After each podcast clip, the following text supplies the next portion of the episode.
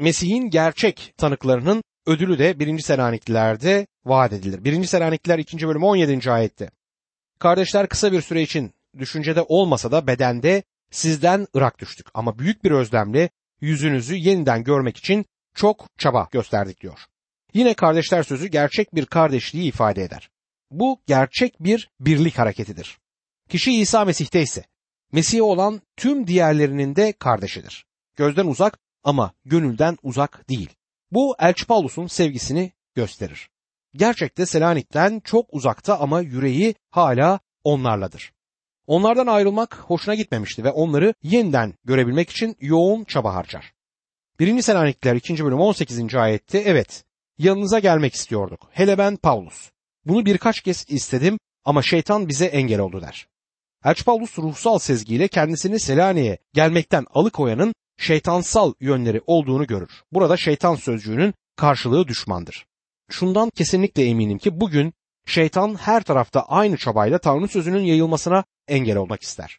Bu nedenle de çeşitli yollara başvurmaktadır. Bunlardan biri de halkımız arasında İncil ile ilgili düşüncedir. İşte efendim İncil bozulmuş, değiştirilmiş, aslı kaybolmuş, hükümsüzdür, geçersizdir gibi düşünceler. Şu gerçeği hiçbir zaman unutmayalım. Yüce Tanrı vermiş olduğu sözlerinin başkalarınca, hele hele günahlı insanlarca değiştirilmesine asla izin vermez. Çünkü o sözlerin koruyucusu Tanrı'nın ta kendisidir. Gerçekten İncil ilk yazıldığında nasıldıysa bugün de tamamıyla aynıdır. İncil'in metinlerinde herhangi bir değişiklik söz konusu değildir. Olamaz da. Kutsal söz gerçek ve yaşayan Tanrı'nın değişmez ve ebedi sözüdür. İncil anlam olarak müjde, iyi haber ya da sevinç getiren haber demektir. Tanrı bu iyi haber yoluyla kendi kendini, sevgisini, merhametini, lütfunu, kurtarışını açıklar. Tanrı her şeyi bilir. Tüm geçmişi, şimdiki zamanla ilgili tüm ayrıntıları ve gelecekte olan bütün şeyleri bilir. Bundan da öte Tanrı en yüce varlık olduğundan tüm işlerinde kendi plan ve amaçları doğrultusunda çalışır. O her yerdedir. Gökyüzünde ya da yerde. Onu bulamayacağımız hiçbir yer yoktur. O hiçbir zaman değişmez. O sevgidir ve insan ayrımı gözetmeden herkesi sever. Tanrı seni de seviyor. Hem de eşsiz bir sevgiyle. Tanrı'nın bu sevgisi seni kurtarmak, seni tüm günahlarından özgür kılmak ve sana sonsuz yaşamı vermek ister. İşte bu sevgi Tanrı'nın sözünde İncil'de bulunur. İncil değişmiştir, bozulmuştur diyen aslında kendisini Tanrı'nın sevgisinden, merhametinden ve lütfundan mahrum bırakır. Siz bunlardan olmayın değerli dostum. Kendiniz araştırın, İncil'i alıp okuyun. Gerçeğin eleştirilmekten korkusu yoktur. İncil'i alıp araştırın, eleştirin ancak ön yargısız ve samimi bir şekilde yaklaşın. İsa Mesih gerçeği arayacaksınız ve aradığınızda gerçeği bulacaksınız ve bu gerçek sizi özgür kılacaktır demiştir. Elçi Paulus ruhsal sezgiyle şeytan İncil'de bildirilen iyi haberin insanlarca duyulmasını istemezler.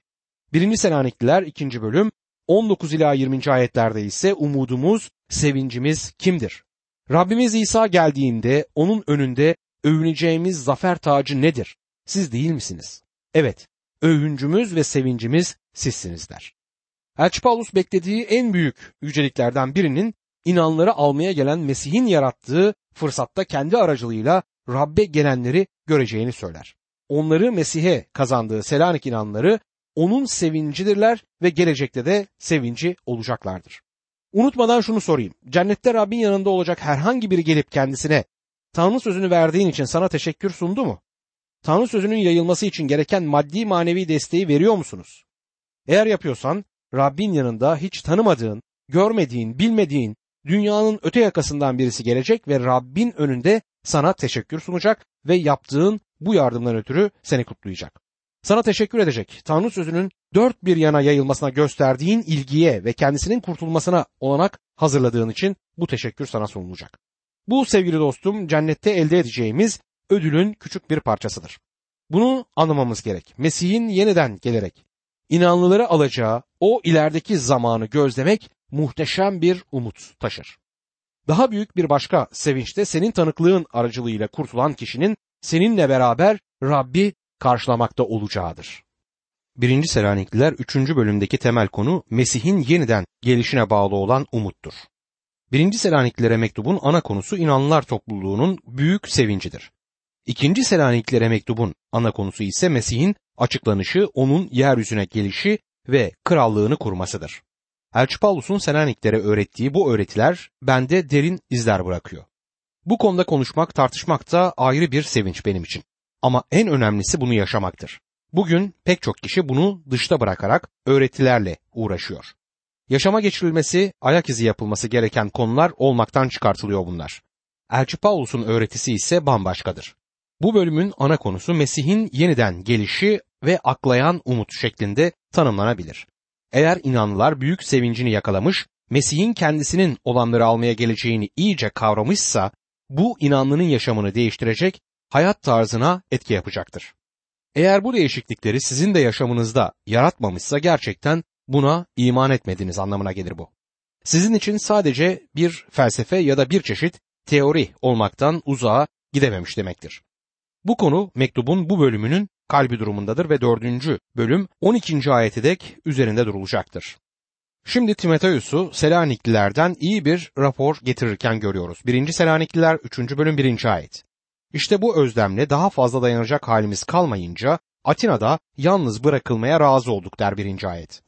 Elçi Paulus Selanik kentine geri dönebilmeyi özler ama geride Atina'da kalmıştır ve böylece Timoteus'u ve belki Silas'ı hatta Doktor Luka'yı ve başkalarını Selanik'e gönderebilmiştir. Sonunda sözü bu bölümü gerilere bağlayan çok önemli bir bağlaştır. Elçi Paulus önceki bölümlerde kilisedeki ailesel ilişkileri konu etmişti. Kiliseye anne, baba ve kardeş olmuştu. Onları Rab'be getirdi ve sevdi. Rab İsa Mesih'in yeniden gelişinde ve tüm inanlılar onun açıklanışında ödüllerini aldığında Selaniklerin kendisinin yüceliği, sevinci olacağını bildirmiştir. Elçi Paulus onlara karşı derin sevgi taşıdığından şimdi gerçekten büyük üzüntüyle geri dönemediğine dair şeytan engelledi beni der. Elçi Paulus'un Selanik'ten çok acele ayrılması gerekmişti ve geride bitirilmemiş pek çok öğretisi vardı. Yalnızca geri dönmeyi özlemiyordu aynı zamanda oradaki inanlar için de kaygı çekmekteydi. Elçi Paulus onlara rahat sunmayı özlemiştir. Bir başka deyişle mektubunun başında belirttiği sözlerini sergiler. Sevgiden kaynaklanan bir emektir bu sergilediği resim. Sevgi yalnızca muhabbet ya da hoş zaman değildir. Yüreğin etrafında rahatlık veren sıcak hislerden oluşur sevgi. Sevgi başkalarının rahatını aramaktadır. Bu sevgimizi herkese açıklayabileceğimiz yoldur. Eğer birisini seviyorsanız onun rahatını gözetebilirsiniz. Yani kendi yaşamınızı sevdiğiniz kişi uğruna bile feda edebilirsiniz. 1. Selanikliler 3. bölüm 2. ayette ise Mesih'in müjdesini yayan Tanrı emektaşı kardeşimiz Timoteus'u yanınıza gönderdik. Bu sıkıntılardan ötürü kimse sarsılmasın diye sizi imanda güçlendirip yüreklendirmesini istedik diyor. Elçi Paulus duyduğu endişeler nedeniyle Timoteus'u Selanik'e yollar. Timoteus'u kardeşimiz ve Tanrı yararına çalışan olarak isimlendirmektedir. Çalışan sözünün Yunanca karşılığı diakondur. Diakon sözünün tam karşılığı hizmet edendir. Mesih'in sevincini getiren müjdeli haber bizimle birlikte Tanrı yararına çalışan Mesih'in müjdesi hizmetinin sınırlarını çizer. Bazen Tanrı sözüne sadık inanların tek çabaları Tanrı sözünü başka yerlere taşıma olduğunda eleştiri alırlar. Bu bizim için ilk sırada yer alır. İncil'deki sosyal beklentiler konularına yeterince değinmediğimiz konularında zaman zaman eleştiri alabiliriz. Şunu söylemek istiyorum. Hiçbir sosyal hareket olmadı ki İncil vaazları deryasına demir atmamış olsun. Bugün dünyanın birçok bölgesindeki kurulu hastaneler yapılan İncil vaazlarının ardından kurulmuştur. Eğer kişiler İncil'in mesajına olumlu karşılık göstermişlerse, yaşamları değişmişse o zaman diğer tüm şeyler başlayan bu değişikliği izleyecektir. Ülke hükümetleri refahı hem de en üstün refahı planlarlar. Çünkü çürük sistem tüm planları, tasarımları boşa dönüştürmekte gecikmez. Acaba neden? Çünkü Mesih'in İncil'inden kaynaklanan bu sağlam temele demir atmamışlardır da ondan.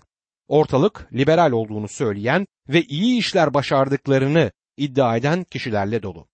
Böyle birisiyle hiç karşılaşıp yaptığı iyi bir işe tanık oldunuz mu? Bu tarzdaki kişiler ne yapar? Gerçekte ahlaksızlığı körüklerler ve buna ehliyet çıkartırlar.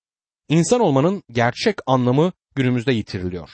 Çocuk yaştaki gençleri uyuşturuculardan kurtarmaya bu planların gücü yetmez. Anlamı çocuk aldırmak, katil olmak anlamına gelen doğum kontrol hapları dağıtılıyor ve pek çok yöntem reklam ediliyor. Elçi Timoteus'un bir uşak olduğunu ve hizmet alanının Mesih'in İncil'i olduğunu söyler. Bu aynı zamanda bizim de hizmet sahamızdır ve Mesih'in İncil'i vaaz edilmeye başladığında sevgili kardeşim ortalıkta yapılması gereken pek çok iyilik işi belirecektir. Yalnızca iyi işler, hayır sevap yapmak gerçekte iyiyi yapmamaktır. Bu halka yarar sağlamaz ve onları yüceltmez. Bunu ancak ve ancak Mesih İsa'nın İncil'i yapacaktır. Sizi desteklesin diye diyor. Bu harika sözler kutsal kitabın çıkış bölümünde Musa'nın dağa çıkıp ellerini yukarı kaldırarak Yahudi halkının zaferi için dua ettiği ayette de kullanılmıştır. Mısır'dan çıkış 17. bölüm 12. ayette ne var ki Musa'nın elleri yoruldu. Bir taş getirip altına koydular. Musa üzerine oturdu. Bir yandan Harun, öbür yandan Hur Musa'nın ellerini yukarıda tuttular. Güneş batıncaya dek Musa'nın elleri yukarıda kaldı diyor. Yukarıda kaldı sözü desteklendi sözüyle eşit anlamlıdır. Elçi Paulus Timoteus'u Selaniklilere onlarla kalması ve onları desteklemesi için gönderdi. İnsanların bugün de aynı şeylere ihtiyacı var. İmanda desteklenmeleri gerekiyor. İman konusunda öğütte bulunsun. Öğütte bulunmak demek, teşvik etmek ve cesaretlendirmek demektir. Elçi Paulus Timoteus'u Selaniklilere onları cesaretlendirmesi ve aynı zamanda teşvik etmesi için göndermiştir. 1. Selanikliler 3. bölüm 3. ayette sıkıntılardan geçmek için belirlendiğimizi siz de biliyorsunuz der. Burada verilen bildiri kolaylıkla alınıp hazmedilebilecek bir bildiri değildir. Sıkıntıdan geçmek için acılar çekmenin anlamı baskılar, saldırılar ve gerginliklerdir. Elçi Paulus bu bizler için belirlendi diyerek çok büyük bir bildiride bulunur. Yaşamda fırtınalarla karşılaşacağımızı biliyoruz. Bunlar olması gereken fırtınalardır ve bunlardan kaçamayacağız. Yer üzerinde çok ve türlü sorunlarla boğuşuyoruz. Tanrı sözü bunu bize açıklıkla bildirir. Elçi Paulus Senaniklilerin bu baskıların ortasında Mesih'e sadık kalmalarını ister. Kutsal kitapta aynı gerçeği öğreten başka bölümlerde vardır. Rab İsa Mesih Yuhanna 16. bölüm 33. ayette bunları size bende esenliğiniz olsun diye söyledim. Dünyada sıkıntınız olacak ama cesur olun ben dünyayı yendim der. Acı çekmek her birimizin başına gelecek bir gerçektir. Bundan kurtulmanın yolu yok. Kendisi büyük sıkıntıların eşiğindeyken bile bu sözleri sevinç içinde söyler. Az sonra alınıp götürülecek ve haça gerilecektir. O bunu da bilir. Eğer Rab İsa'nın inanlılarından biriyseniz sıkıntılardan kaçamayacaksınız. Mesih'e iman etmek acılardan kurtulmanın bir sigortası değildir. İşin asıl gerçeği şu. Eğer şimdiye dek görmemişsen de Rabbin çocuğu olduktan sonra sıkıntılar görmeye başlayacaksın. Rab fırtınalarla karşılaşmayacağımıza dair bizlere bir söz vermedi. Ancak bize yaşam fırtınalarını aşacağımızı bildirdi. Rabbin bildirdiği şu yaşam fırtınalarını onunla birlikte aşıp güvenlikli limana ulaşacağımızdır. Mesih'in içinde bulunduğu gemi asla dibi boylamayacak, karşı yakaya ulaşacaktır. Sen ve ben değerli dinleyicim, karşı yakaya giden yolcularız. Elçi Paulus bunu daha da güçlendirerek 2. Timoteus 3. bölüm 12. ayette Mesih İsa'ya ait olup Tanrı yoluna yaraşır bir yaşam sürmek isteyenlerin hepsi zulüm görecek demiştir. Bu işin öylesi böylesi aması maması yok. 1. Petrus 4. bölüm 12 ila 19. ayetlerde de bunu açık bir şekilde görmekteyiz. Gökte karanlık bulutlar görünmüyor mu? Deniz çalkantısız mı? Her şey yolunda ve tıkırında gidiyor mu? O halde kurtuldun mu sorusunu kendi kendine sorabilirsin. Ama eğer sıkıntılardan geçmekteysen, baskılar ve yaşamın gerginlikleri içerisindeysen bu Tanrı çocuğu olduğuna dair güçlü bir işaret olacaktır. Bu Tanrı'nın bize ona güvenmek dersini öğrettiği yoldur. 1. Selanikliler 3. bölüm 4. ayette ise çünkü sıkıntı çekeceğimizi size önceden daha yanınızdayken söylemiştik. Bildiğiniz gibi öyle oldu diyor. Teoloji yani Tanrı Bilim okulunda öğretmenlerimizden birisi en çok sevdiğimiz ayetleri bize sordu. Öğrencilerden birisi kalkarak en sevdiği ayeti okudu. Hepsi geçecek. Yerine oturdu. Hepimiz bulmacayı çözmek istercesine ona baktık. Öğretmenimiz ona niçin bu sözün kendisi için çok önemli olduğunu sordu. Arkadaşım şöyle yanıtladı. Ne zaman sorunlar içerisinde olsam bu bölümü açar okurum. Hepsi geçecek. Ve bilirim sıkıntılar bitecek. Onlar kalmak için gelmediler.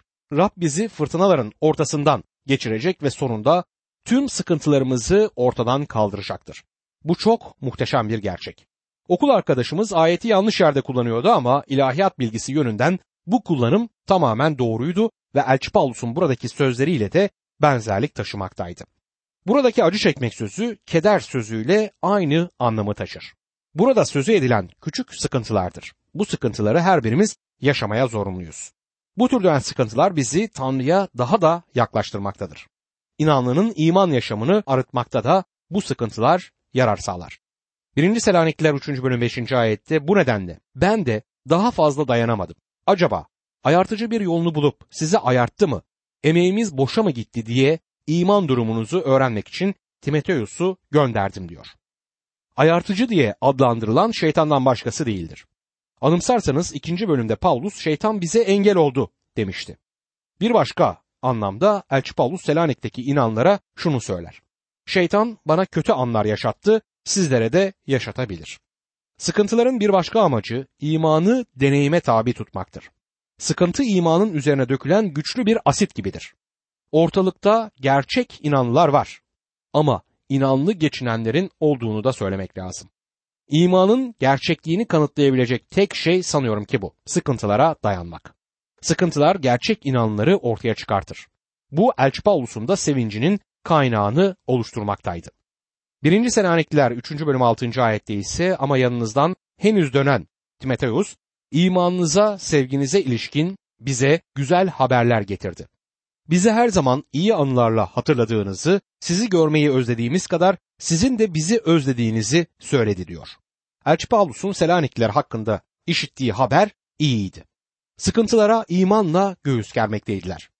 1. Selanikliler 3. bölüm 7. ayette ise bu nedenle kardeşler bütün çile ve sıkıntılarımız arasında imanınızdan ötürü sizinle teselli bulduk diyor.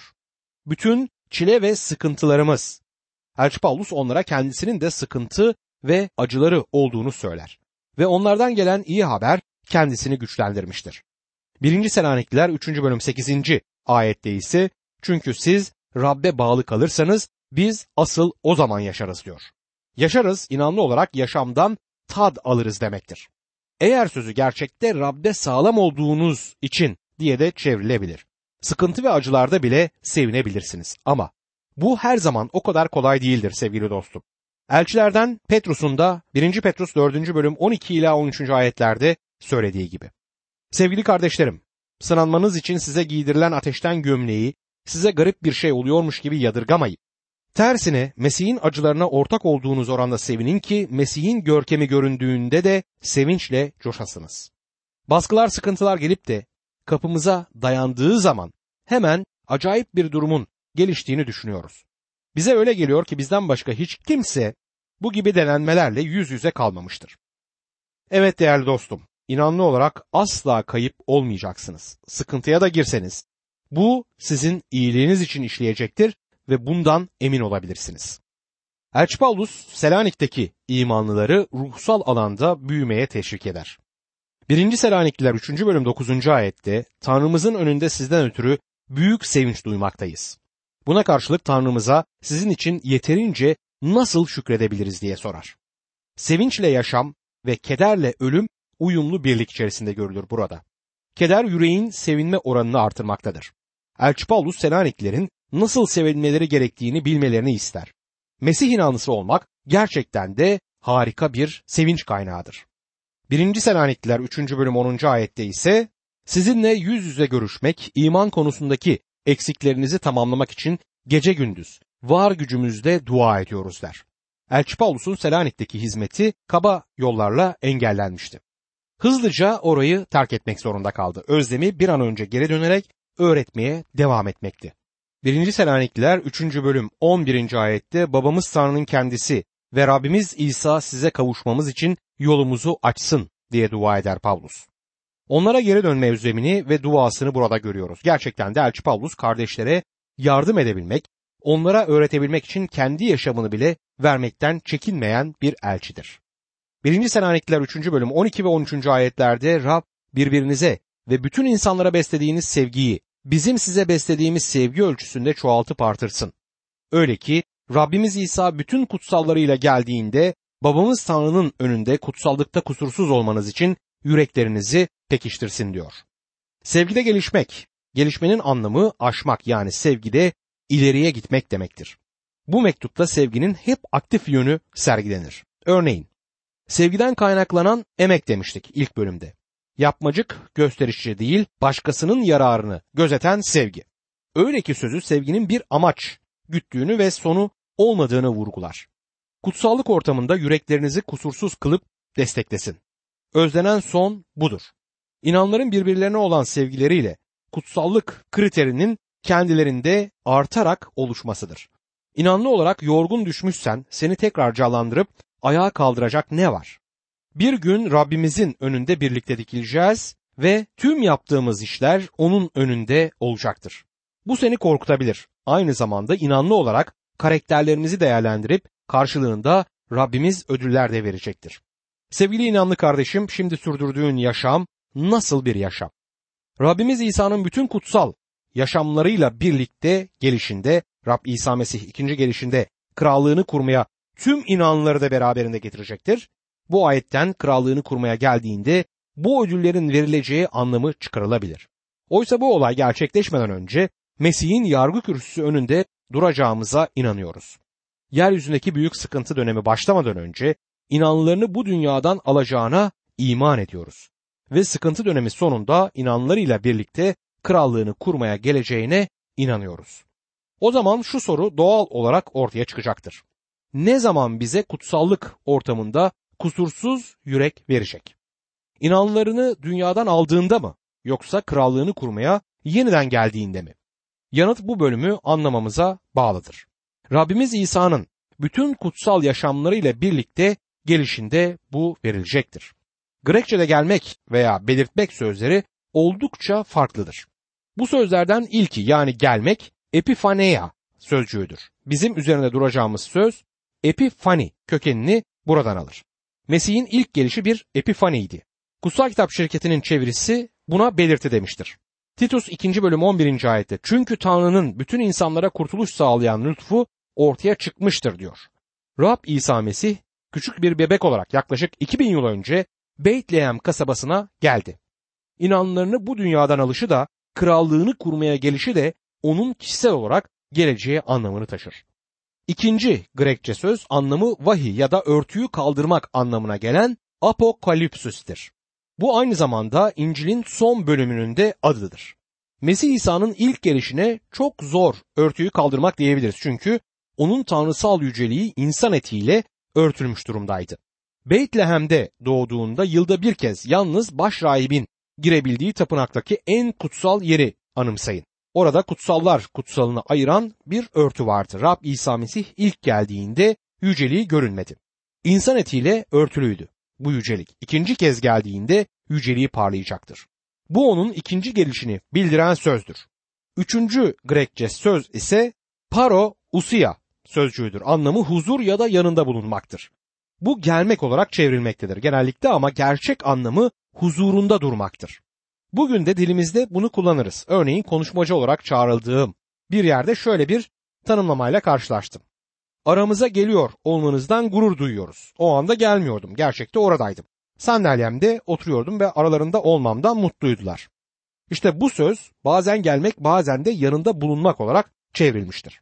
Filipeliler 2. bölüm 12. ayette öyleyse sevgili kardeşlerim her zaman söz dinlediğiniz gibi yalnız ben aranızdayken değil ama özellikle aranızda olmadığım şu anda da kurtuluşunuzu saygı ve korkuyla etkin kılın der. 1. Selanikler 2. bölüm 19. ayette aynı paro usia sözcüğü gelmek olarak çevrilmiştir. Öyleyse Rabbimiz İsa Mesih'in gelişinde sözleri inanların onun huzurunda olacağı anlamını taşır. Bu inanlılar Mesih'i havada karşıladıklarında gerçekleşecektir. Bizi yüceliğine alacak ve bizi hazırladığı yere getirecektir. Gelmek krallığını kurmak amacıyla inanlılarıyla geri dönmek anlamını taşımaz. Havada babanın yanında olmayı belirten bir kelimedir. Aynı düşünce 1. Selanikler 2. bölüm 19. ayette de vardır. Çünkü Rabbimiz İsa geldiğinde onun önünde umudumuz da sevincimiz de övünç tacımız da sizlersiniz başka kim olabilir diyor. Rab İsa Mesih'in huzurunda olacağız ve o zaman Tanrı önünde kutsallık ortamında kusursuz yürekleri armağan olarak alacağız.